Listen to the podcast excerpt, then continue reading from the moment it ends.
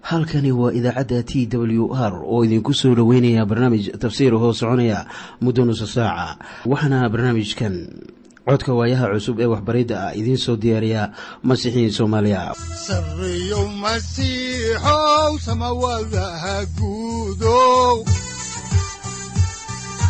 Siraadkii adduunkow subanaha eebow sareyow masiixow samawadaha guudow siraadkii adduunkow subanaha eebow adigoo samada jiro ifkan soo saldhiganba adigoo samada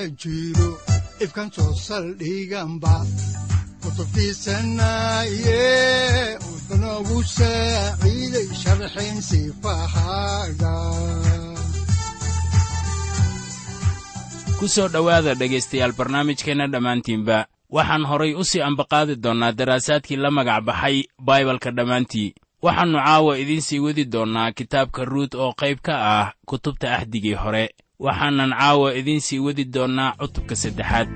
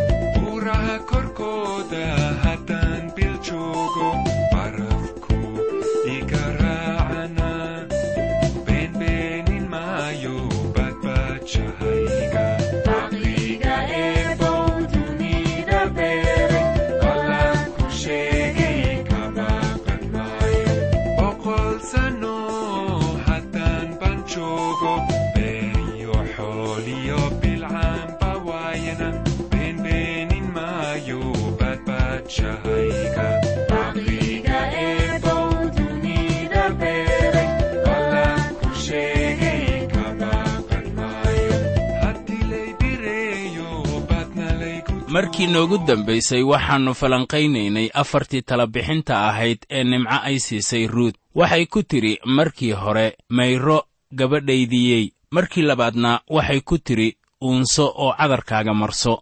Haddaba waxaynu idiin sheegnay in masiixiyiintana laga doonayo inay ruuxa quduuska ah isku shubaan. Weli waxaannu ku jirnaa faalladaasi ruux isku shubista ah waana ruuxa quduuska ah kan ina bara runta oo dhan oo innaga oo dhaniba waxaynu u baahan nahay waxbaridda ruuxa quduuska ah. Taasina waa sida keliya ee aynu ku garan karno hadalladii ilaah saaxib. Ruuxa ilaah ayaa ina bara hadalladiisa. Waxayna u muuqataa in ninna aannu taasi garanaynin haatan. Markii aad eegto dhanka waxbaridda kitaabka ayaad arkaysaa in si weyn laysugu maandhaafsan yahay waxbaridda qusaysa garashada rabbaaniga ah. Haddaba inaad garato in baibalku u yahay hadalladii ilaah waa muhiim. Laakiin weliba haddii aad rumaysato hadallada qorniinku inay yihiin rabbaani ayaad weliba jaahil ka ahaan kartaa hadalladii ilaah. Maxaa haddaba taasi sabab u ah? Waa inaad marka hore aqoonsataa inaadan waxgarasho bini'aadan oo keliya la imaanin oo haddana aad filato inaad garanayso. Xikmaddaada waxyaaba xaqiiqa ah waad ku garan kartaa hase yeeshee ruuxa ilaah oo keliya ayaa ku bari kara waxyaabaha ruux ahaaneed ee ku qoran kitaabkan. Bawlos oo la hadlaya reer korintos ayaa leh sida ku qoran warqaddiisii koowaad cutubka labaad aayadaha sagaal ilaa toban ee baalka laba boqol saddex iyo sagaashan ee axdiga cusub sida tan. Laakiin sida qoran waxyaalo aanay ishu arkin oo aanay dhegtu maqlin oo aan qalbiga dadka gelin wax kastoo ay yihiinba ilaah baa u diyaariyey kuwa isaga jecel.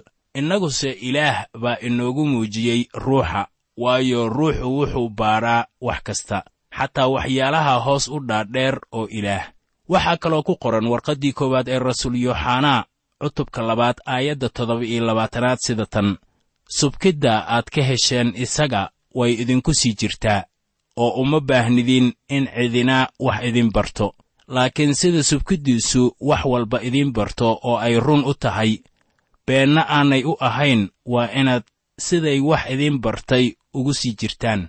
Tan loolama jeedo inaad ku dabaqdaan xikmad bini'aadan. Waxaa haddaba waxbaridda ruuxa quduuska ahi ku shubay culimmadii hore ka faa'iiday oo ahaa aniga iyo adiga. Waxaa kaloo ilaah haatan uu siinayaa kiniisaddiisa macallimiin laakiin ma ahan macallimiintii hore iyo aqoon qaas ahaaneed. Laakiin waxa ku garansiinaya hadalladii ilaah waxa weeye ruuxa quduuska ah oo ah macallinkeenna waxaannu iminka soo gaarnay taladii saddexaad ee nimco ay u soo jeedisay ruut waxay ku tidhi dharkaaga gasho. Waxaan u malaynayaa in nimco ay lahayd ruuday xusuuso dharkaagii wacnaa ee aad lahayd ee aad xidhan jirtay. Intaannu ninkaagu dhiman dharkaas aad baad ugu qurux badnayd oo haddii boocas uu kugu jeclaaday dharkan wasakhda ah ee carmalnimadaada intee la eg buu ku jeclaanayaa haddii uu kugu arko dharkan xariirta ah. Haddaba ninka masiixiga ah ayaa isna laga doonayaa inuu masiixa u qaato sida dharkiisa xaqnimada. Waxaa laynoo sheegay inaannu dembiyadeenna inaga jaraynin oo keliya amase aannu ina cusboonaysiinaynin laakiin wuxuu dhexdayada ku noqonayaa xaqnimo. Markaasaa xaqnimadeennu bannaanka ay imaanaysaa. Sida daacadda ah waxaa laynoo sheegayaa inaan isaga ka dhiganno dhexxirkeenna waxaa si la yaab leh loogu sharaxay warqaddii rasuul bawlos uu qoray dadka reer rooma. Cutubka saddexaad aayadda laba iyo labaatanaad sida tan. Waxaana weeyaan xaqnimada ilaah ee lagu helo rumaysadka xagga ciise masiix oo u ah in alla inta rumaysata oo dhan waayo kala duwanaan ma leh. Iyadoo weli xaqnimada ilaah ee ciise masiix lagu helo laynoo fasirayo ayaa waxaa ku qoran warqaddii rasuul bawlos uu u qoray reer efesos baalka saddex boqol soddon iyo toddoba ee axdiga cusub cutubka koowaad aayadda lixaad sida tan. In la ammaano cisada nimcadiisa ee uu inagu siiyey kan uu jecel yahay haddaba waxaa jira dad badan oo magac sharaf ama awood ka raadiya waxyaabaha taariikhiga ah ee ku qoran kitaabka. Sida dhexxirkii ciise masiix oo ay qaateen askartii reer rooma. Dhexxirkaasi ayaa dadka qaar waxay leeyihiin waa la hayaa oo waxay ka raadinayaan barako. Laakiin waxaan idinku leeyahay waxyaabahaasi oo kale barako lagama helo. Waxaase aan idiin sheegayaa inaanan innaga uun isbixin karaynin waxaan ku idilnahay oo aan ku kaamilmaynaa masiixa. Waxaa ku qoran warqaddii rasuul bawlos uu u qoray dadka rooma. Cutubka afaraad aayadda shan iyo labaatanaad ee baalka laba boqol saddex iyo toddobaatan ee axdiga cusub sida tan. Kii loo bixiyey xadgudubkeenna aawadiis oo loo sara kiciyey inuu xaq inaga dhigo. Waa midkaas haddaba kan aynu ku kaamilmayno. Waxaa kaloo ku qoran warqaddii labaad ee reer korintos cutubka shanaad aayadda kow iyo labaatanaad qayb ahaan sida tan in isaga oo aan dembi aqoon aawadeen dembi looga dhigay. Haatan talabixintii afaraad ee nimco ay u sheegtay ruut ayaa waxay tahay inay tagto halka badarka habeenkaasi lagu tumayo oo lagu haadinayo oo ay bocas u sheegto inay doonayso in uu dumaalo ou noqdo xigta bixiyaheeda. Haddaan horay idinku sii wadno xigashada kitaabka ruut ayaannu eegaynaa cutubka saddexaad aayadda afaraad waxaana qoran sida tan oo markuu seexdo meeshuu jiifsado fiirso oo markaas u gal oo cagihiisa bannee oo iska jiifso oo isna wuxuu kuu sheegi doonaa waxaad samayn lahayd. Saaxib waxaa halkaasi loo qaaday tallaabo muhiim u ah aniga iyo adiga. Tallaabada caynkaas ah waa inuu dembiile kasta qaado. Badanaa dhegaystayaasheenna ma yimaadaan ama soo ma istaagaan jagadooda. Oy weyddiisan maayaan xigta bixiyahooda inuu noloshooda soo galo. Waxaan idin leeyahay ama aan idin weydinayaa miyaad sheegateen xuquuqdiinna ah in ciise masiix uu yahay badbaadiyihiinna. Saaxib waa inaad isaga sheegataa oo luqadda qorniinka ayaa waxay leedahay taladiinna dulsaarta ama taladiinna dhexdhigta ama gashada sayid ciise masiix waxa layska doonayo waa rumaysad ficil ah mase ahaan rumaysad aan micno lahayn. Waa rumaysad dhab ah ee aynu ku weyddiisanayno inaan qayb ka helno xigta bixiyaheenna oo ah masiixa. Isagu waa badbaadiyaheenna. Waxaana hadiyaddu ay noqonaysaa sida ku qoran warqaddii rasuul bawlos uu u qoray dadka reer rooma cutubka lixaad aayadda saddex iyo labaatanaad. Waxaana qoran qayb ahaan sida tan laakiinse hadiyadda ilaah waa nolosha weligeed ah ee laga helo rabbigeenna ciise masiix. Haddaba haddii aan ku soo noqonno qisadii ruut ayaan arkaynaa inaanay xaq u lahayn inuu dumaalo oo keliya laakiin ay xaq u leedahay in boocas uu u soo celiyo hantideedii luntay ee ninkeedii. Laakiin waa inay marka hore sheegataa dhibkeeda taas oo keliya ma ahan waxaase caddaan ah in boocas uu doonayo inuu noqdo bixiyaheeda ama kan dumaalaya. Haddaba waxyaabahaasi ay samaynayso ayaa ka dhigaya in ciise masiix uu ku dhasho beytlaxam. Gabadhanu waxay u hoggaansamaysaa sodohdeed wax ka qaldan ma leh inay samayso sida lagula talinayo. Sidaan arki doonno waxaa horay loogu sheegay inay weyddiisato inuu dumaalo laakiin ilaa iyo haatan waxba ma ay weyddiisan bocas waxaad haddaba arkaysaa dad badan oo kuu sheegaya inay aaminsan yihiin runta ku qoran kitaabka baibalka laakiin ayaan weligood aqbalin masiixa. Waxaan garanayaa dad badan oo yidhaahda ciise masiix waa nebi oo waxaa laynoo sheegay inuu lahaa awood wax lagu abuuro awood wax lagu daweeyo oo dad dhintayna dhimashada looga sara kiciyo. Haddii ay intaasi rumaysan yihiin dhegaystayaal. Maxay haddaba u rumaysan waayeen inuu yahay badbaadiyahooda? Waxaan u malaynayaa inay ka baqayaan kuwa hareerahooda jooga oo odhanaya war magaal baad noqotay? oo in kastoo ay runta garanayaan haddana waxay ka baqayaan kuwa hareerahooda jooga oo ay la tahay inay ka goynayaan beesha inteeda kale. Waxaa la soo gaaray qarni dadku ay rumaysan karaan. Waxa ay aaminsan yihiin inay run yihiin iyo in kale waxaan garanayaa nin aynu saaxiibbo nahay oo aan innaba rumaysnayn in ilaah uu jiro wuxuuna ahaa ninkaasi soomaali. Ninkaasi wuxuu ahaa shuuci waxaana ka daadegay in falsafadda shuuciyadda haddii loo raaco sida markis anglis iyo linan ay u dhigeen in la gaarayo barwaaqo. Waxaan ku idhi war miyaadan rumaysnayn ilaah? Markaasuu igu yidhi beentii wadaaddada miyaad run moodday.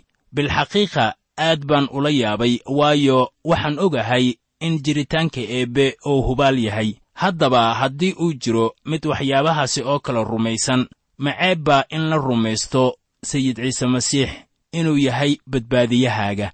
Qofka caynkaas oo kale ah wuxuu u baahan yahay in la wacyigeliyo oo loo sheego inaanay jirin falsafiyad shaqaynaysa oo diidan in ilaah uu jiro. Ninka la odhan jiray sokrates oo ahaa nin ku caanbaxay su'aalaha dadka la weydinayo lagana hayo kelimadda ah marka hore adigu is-ogow oo uu ula jeedo isbaar adigu inaad xaq tahay intaadan xaqnimo sheegan. Ayaa qudhiisa aaminsanaa in ilaah uu jiro. Marka ay sidaas tahay kuwa nacasyada ah iyo kitaabgaabloowyada shuuciyiinta ah keliya ayaa sidaas aaminsanaa laakiin hadda talo way ku caddaatay oo filosofiyaddaasuna waxay noqotay mid aan shaqaynaynin. Waxaan iminka la yaabanahay saaxiibkaasi oo aan horay u aqoon jiray. Waxa uu maanta aaminsan yahay. War miyaanay u roonayn inuu masiixa soo raaco. Isagaa wax bari lahaa oo wuxuu yidhi waa masiixa ah harqoodkayga ama waxyaabaha aan idin farayo dushiinna ku qaata oo wax iga barta. Waayo buu yidhi waan qaboobahay oo qalbigayguna waa hooseeyaa oo naftiinna nasashaad u heli doontaan waxay ku qoran tahay matayos cutubka kow iyo tobanaad aayadaha sagaal iyo labaatan ilaa soddon. Haddaan u fiirsanno miyaannu ciise masiix idin dhaamin kuwiinna shuuciga ah falsafaddii shaqayn weysay ee shuucinimada. Jawaabta idinkaan haddaba idinku dhaafayaa haddaan horay idinku sii wadno xigashada kitaabka ayaannu eegaynaa kitaabkii ruut cutubka saddexaad aayadaha shan ilaa lix waxaana qoran sida tan oo iyana waxay nimco ku tidhi waxaa tidhi oo dhan waan yeeli doonaa. Markaasay tagtay meeshii wax lagu tumi jiray oo waxay samaysay kulli wixii sodohdeeda ay ku amartay. Iminka waxaan idinku leeyahay ma leh wax su'aal laga keeni karo hadalladii nimco ay kula hadashay ruut. Haddii waxyaabihii la faray ay ahaayeen waxaan hagaagsanayn sida marka ay leedahay lugahaaga saar lugihiisa ayaanay nimco oggolaateen waxaa jira kuwa ay ula muuqanayso damiir xumo inay sidaas yeesho. Hase yeeshee kuwaas oo kale waxaanay si buuxda u garanaynin dhacdadan haruurtumista oo ah munaasabad farxadeed iyo caadadeeda ka dambaysa. Waxay ahayd inay sheegato in boocas uu yahay kan dumaalaya. Taasi waa mid laakiin badarhaadinta waa munaasabad farxadeed waxaana qof waliba ee beer lahaa halkaasi uu la imaanaya qoysaskooda. Nimco waxay ruud ku leedahay marka ay dhammeeyaan hawsha badarhaadiska iyo tumista habeenkaasi oo la casheeyo oo ilaah la ammaano oo laga soo baxo waajibaadka diiniga ah. Waa la seexanayaa wuxuu boocas madaxiisa saarayaa haruurkii tuulmada ahaa cagihiisa iyo badanaa jidhka intiisa kale wuxuu dhigayaa dhulka. Waxaad markaasi kor saartaa cagahaaga kuwaas oo waxaad go'iisa ku dadan lugaha kaga qaaddaa cagaha oo markii uu go'a iska qaado isagaa kuu sheegaya waxa aad samaynayso. Waxayna waxaasu dhacayaan iyadoo aanay cidi arkaynin. Markase ay inala noqoto in sino ay ka soo socoto halkaasi ayaa waxaa ugu wacan sida aynu jaahil kaga nahay caadadan haruurtumista ee xilliga beergurashada. Haddaan horay idinku sii wadno xigashada kitaabka ruut oo aan eegno cutubka saddexaad aayadaha toddoba ilaa siddeed ayaa waxaa qoran sida tan. Oo boocasna markuu wax cunay uu wax cabay qalbigiisu waa faraxsanaa oo wuxuu aaday inuu jiifsado meel tuulmo haruur ah ka dambaysa. Markaasay aayar u timid oo cagihiisii bannaysay oo way jiifsatay oo habeenbarkii ayaa ninkii argagaxay oo wuu isrogay oo bal eeg naag baa cagihiisa jiiftay. Soo arki maysid cagihii baa qabowga uu gaadhay waayo maradii baa cagihiisa laga jiiday. Wuu fadhiistay uu isrogay markaasuu maradii damcay inuu cagihiisii ku qariyo. Markaasuu arkay in qof dumar ahi ay la jiifto. Haddaan horay idinku sii wadno xigashada kitaabka oo aan eegno aayadda sagaalaad ayaa waxaa qoran sida tan. Markaasuu ku yidhi tumaa tahay oo iyana waxay ugu jawaabtay waxaan ahay addoontaadii ruud. Haddaba macaawiistaada ku kor kala bixi addoontaada waayo waxaad tahay xigaal ii dhow. Qof ahaan waxaan u malaynayaa in tanu ay tahay waxyaabaha ugu wacan ee inoogu qoran erayada ilaah. Miyaad garanaysaa waxa ay ku leedahay? Waxay ku leedahay waxaan doonayaa inaad ii noqoto kan idumaalaya oo sidaasaan kugu imid inaan kuu sheego. Taasna waxay beddeshay fikraddii ninkan boocas ah. Waxaan qiyaasayaa inuu wakhti joogay qabowgaas. Iminkana wuxuu bilaabayaa inuu ka jawaabo wixii gabadhu ay ku tidhi laakiin ogow qaylin maayo. Haddaan xaajada ka eegno kitaabka ruut cutubka saddexaad aayadda tobanaad ayaa waxaa qoran sida tan. Markaasuu wuxuu ku yidhi gabadhaydiyey rabbigaa ha ku barakadeeyo waayo roonaan weyn baad i tustay ugu dambaystii oo ka sii weyn tii markii hore maxaa yeelay ma aad raacin rag dhallinyaro ah faqiir iyo taajir toona. Hadalkan wuxuu ula jeedaa ama uu ku lahaa markii ruuday aad halkan timid. Uma aadan imaanin inaad niman dhallinyaro ah iyo kuwa taajiriin ah aad raacdo. Waxaadse u timid inaad sodohdaada daryeesho. Wakhtigii ay imaanaysay innaba laguma arag wax saqajaannimo ah iyo inay la meeraysato dhallinyarada dhulka deggan ee waxmatarayaasha ah. Waxaa u bannaanaa inay odayaasha hor keento oo waxay ku odhan kartaa walaalkaa magac uga dhex samee reer banu israa'iil. Hase yeeshee nimco ayaa la talisay oo ku tidhi u tag oo ogaysii waxay u sheegtay inaanay su'aal ka taagnayn sharci ahaan in isagu uu noqon karo kan dumaalaya. Waxay markaasi ku tidhi u sheeg inaad doonayso isaga inuu kuu noqdo xigtabixiyaha leh inuu walaalkiis magac u sameeyo uu ku dumaalo. Haddaba boocas wuxuu isla markiiba doonayaa inuu ka dhigto xaaskiisa waayo sidaan buu afkeeda ka sugayey ilaa iyo wakhti dheer. Markii uu ogaaday waxa ay damacsan tahay ayaa boocas shaqo u bilaabay waayo jidka wuu u nadiifsan yahay oo isaga ayay sheeganaysaa. Isna fursad weyn oo qaali ah buu u arkay inuu gabadhan reer mo'aab guursado waxaa mahad leh ilaah oo ina siiyey badbaadiye oo xidhiirka inaga dhexeeya innaga iyo badbaadiyaheenna sal uga dhigay jacayl. Wuu ina jecel yahay sayidka oo innaga aawadeen buu isku bixiyey si uu inoo soo furto. Bal waxaad ogaataa waxa boocas uu leeyahay sida ku qoran aayadda kow iyo tobanaad ee cutubkan saddexaad. Waxaa qoran sida tan haddaba gabadhaydiyey ha cabsan waayo waan kuu samayn doonaa wixii aad sheegtay oo dhan maxaa yeelay dadka magaaladayda oo dhammu way wada og yihiin inaad tahay naag wanaagsan.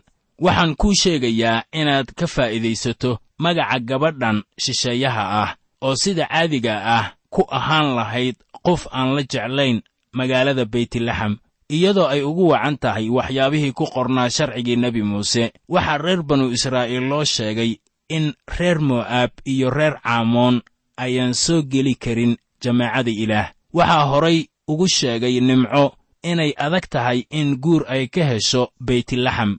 Ruudna way aqbashay inay heerkaasi ka joogto bulshada reer banu israa'iil.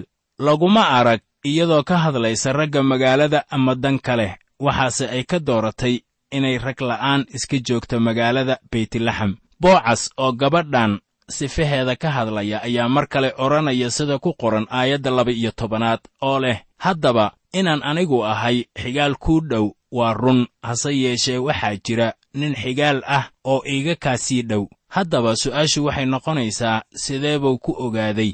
Waa hagaag. Waxay u muuqataa inuu baaritaan sameeyey sidaad arkayso. Boocasna wuxuu diyaar u ahaa inuu isla markiiba ku dhaqaaqo qabanqaabada guurka. Haddii uu oggolaansho ka helo ruud wuuna ka helay iminka. Xaqiiqaduse waxay tahay inuu jiray mid isaga kaga dhowaa oo lug xidhay isaga. Maadaama uu jiro nin isaga kaga dhow dhanka dumaasha ayaa boocas wuxuu leeyahay marka hore waa inaan ninkaas fikraddiisa ogaanno. Waxaa laga yaabaa in ninkaasi uu yahay ilma adeer aad ugu dhow ninkii ruud laakiin boocas wuxuu u muuqdaa sida inuu ahaa mid ka yara durugsanaa oo ilma adeer kore la ahaa ninkeedii dhintay. Wuxuuna ku yidhi waan doonayaa inaan noqdo kan ku dumaalaya laakiin waa inaan aragno sida ninkaas kale oo iga leh dumaasha kuu arko. Haddaan horay idinku sii wadno xigashada kitaabka oo aan eegno cutubka saddexaad aayadda saddex iyo tobanaad ayaa waxaa qoran sida tan. Haddaba bal caawa iska joog oo subaxdana hadduu isagu kuu sameeyo waxa xigaalka waajibka ku ah waa hagaag ha sameeyo. Laakiinse hadduuna kuu yeelin waajibka xigaalka dee markaas rabbiga noloshiisaan kugu dhaartaye anaa kuu samaynaya. Waxay u muuqataa in boocas ayan u xaqiiqsanayn waxa ninkaasi kale uu odhanayo markaas dooni maayo inuu deg deg wax u sameeyo laakiin wuxuu leeyahay qorshe ay la tahay inuu kaga gudbi karo caqabadaha ninkaasi kale uu la imaan karo haddaan horay idinku sii wadno xigashada kitaabka oo aan eegno aayadaha afar iyo toban ilaa lix iyo toban ee cutubka saddexaad ayaa waxaa qoran sida tan oo iyana cagihiisay jiibsatay ilaa subaxdii markaasay waxay kacday intaan qof qof kale laga garan karin. Waayo wuxuu yidhi yaan la ogaanin in naagu timid meesha haruurka lagu tumo. Oo wuxuu ku yidhi garbasaarta korkaaga saaran balkeen oo hoori kolkaasay hoorisay markaasuu wuxuu ugu miisay koombo oo shiciir ah. Wuuna u saaray oo isna magaaladu galay oo markay soddohdeeda u timid nimco waxay ku tidhi gabadhaydiyey tumaa tahay. Markaasay waxay u sheegtay wixii ninka uu u sameeyey oo dhan. Waxaan aragnay in boocas uu iska ilaalinayo in qufi ay aragto. Si haddii ninka kale ay dani ka hayso gabadha aannu u helin marmarsiinyo haddaba haddaan ka yara faalloodo marka ay leedahay tumaa tahay waa nimco eh. Ayay u muuqanaysaa inaan si toos ah loo fasirin qidcada waxay u muuqataa in gabadhii reer mo'aab ay aad u xishood badnayd oo ay ka cabsanaysay inay guriga ka tagto. Nimcana waxay doonaysay in ninkan jecel iyada uu u qaato sida kii iyada dumaali lahaa sida sharcigii nebi muuse uu adkaynayo marka su'aasha ay weydinayso ee ay leedahay tumaa tahay ayaa fasiraaddu ay noqonaysaa ma waxaa tahay xaaskii boocas mise ma ahid. Haddaan xigashada kitaabka halkii idinka sii wadno ayaa waxaa ku qoran kitaabka ruut cutubka saddexaad aayadaha toddoba iyo toban ilaa siddeed iyo toban sida tan oo waxay tidhi lixda tan koombo oo shiciirka ah isagii baa isoo siiyey waayo wuxuu igu yidhi adoo fara maran soddohdaa ha u tegin oo iyana markaasay tidhi gabadhaydiyey iska fadhiiso ilaa aad ogaatid sida arrintu ay u dhacayso. Waayo ninku nasan maayo ilaa uu maanta xaalkaasi dhammeeyo. Waxay nimco leedahay gabadhaydiyey halkan iska fadhiiso oo arrinka sug hadda iyo wixii ka dambeeya boocas wuxuu dabagelayaa xaalka oo isagaa hawsha toosinaya. Waxay ku leedahay ku kalsoonow boocas shaqada furashada isagaa leh ee ka war sug ayay nimco ku leedahay ruut. Waxaa taasi ay ina xusuusinaysaa sidii sayidkeennu uu ugu howlgalay furashadeenna. Haddaba furashadeenna waxaa iska leh sayid ciise masiix oo aniga iyo adigaba waxaa laynaga doonayaa inaan galno howshaas furashada ee uu inoo dhammeeyey. Waxaanay niyaddeenna gelinaysaa nabad keenaysa inaan tala saaranno innagoo aqoonsanaynaa wixii uu inoo dhammeeyey inaad weyddiisato inuu yahay bixiyahaaga ayay noqonaysaa waxa lagaa doonayo. Hawsha furashadana isagaa iska leh oo cid bini'aadan ahina lama wadaagto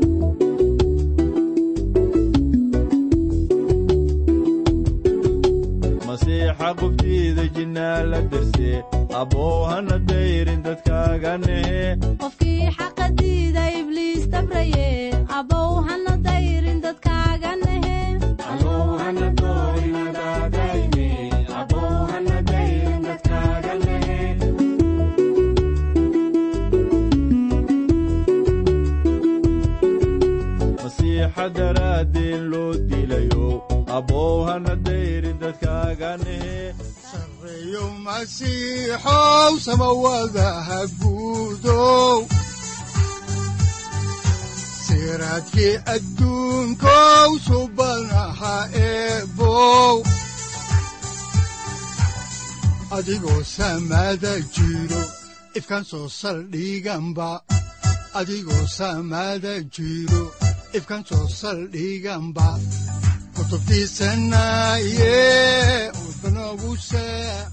halkani waa t w r idaacadda t w r oo idinku leh ilaa ha idin barakeeyo oo ha idinku anfaco wixii aad caawi ka maqasheen barnaamijka.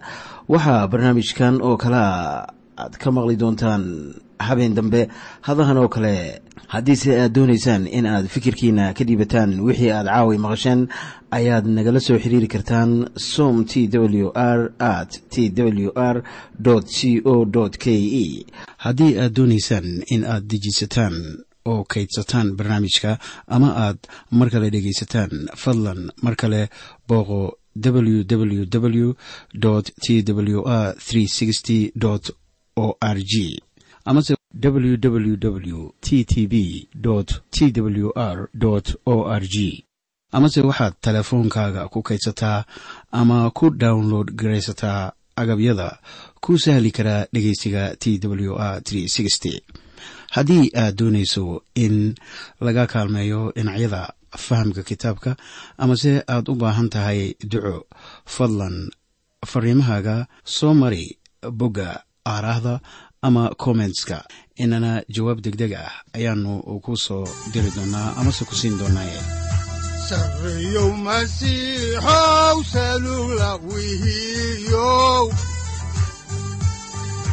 saacadda timid dhulka sabada ku dhalatiyo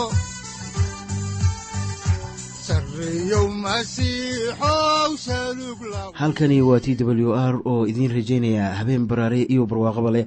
Inta aynu ka gaari doono wakhti aynu ku kulanno barnaamij la mida kan caawayay aad maqasheen. Waxa aan idinku leeyahay nabadda ciise masiix ha idinku badato xagga jidhka iyo ruuxaba. Aamiin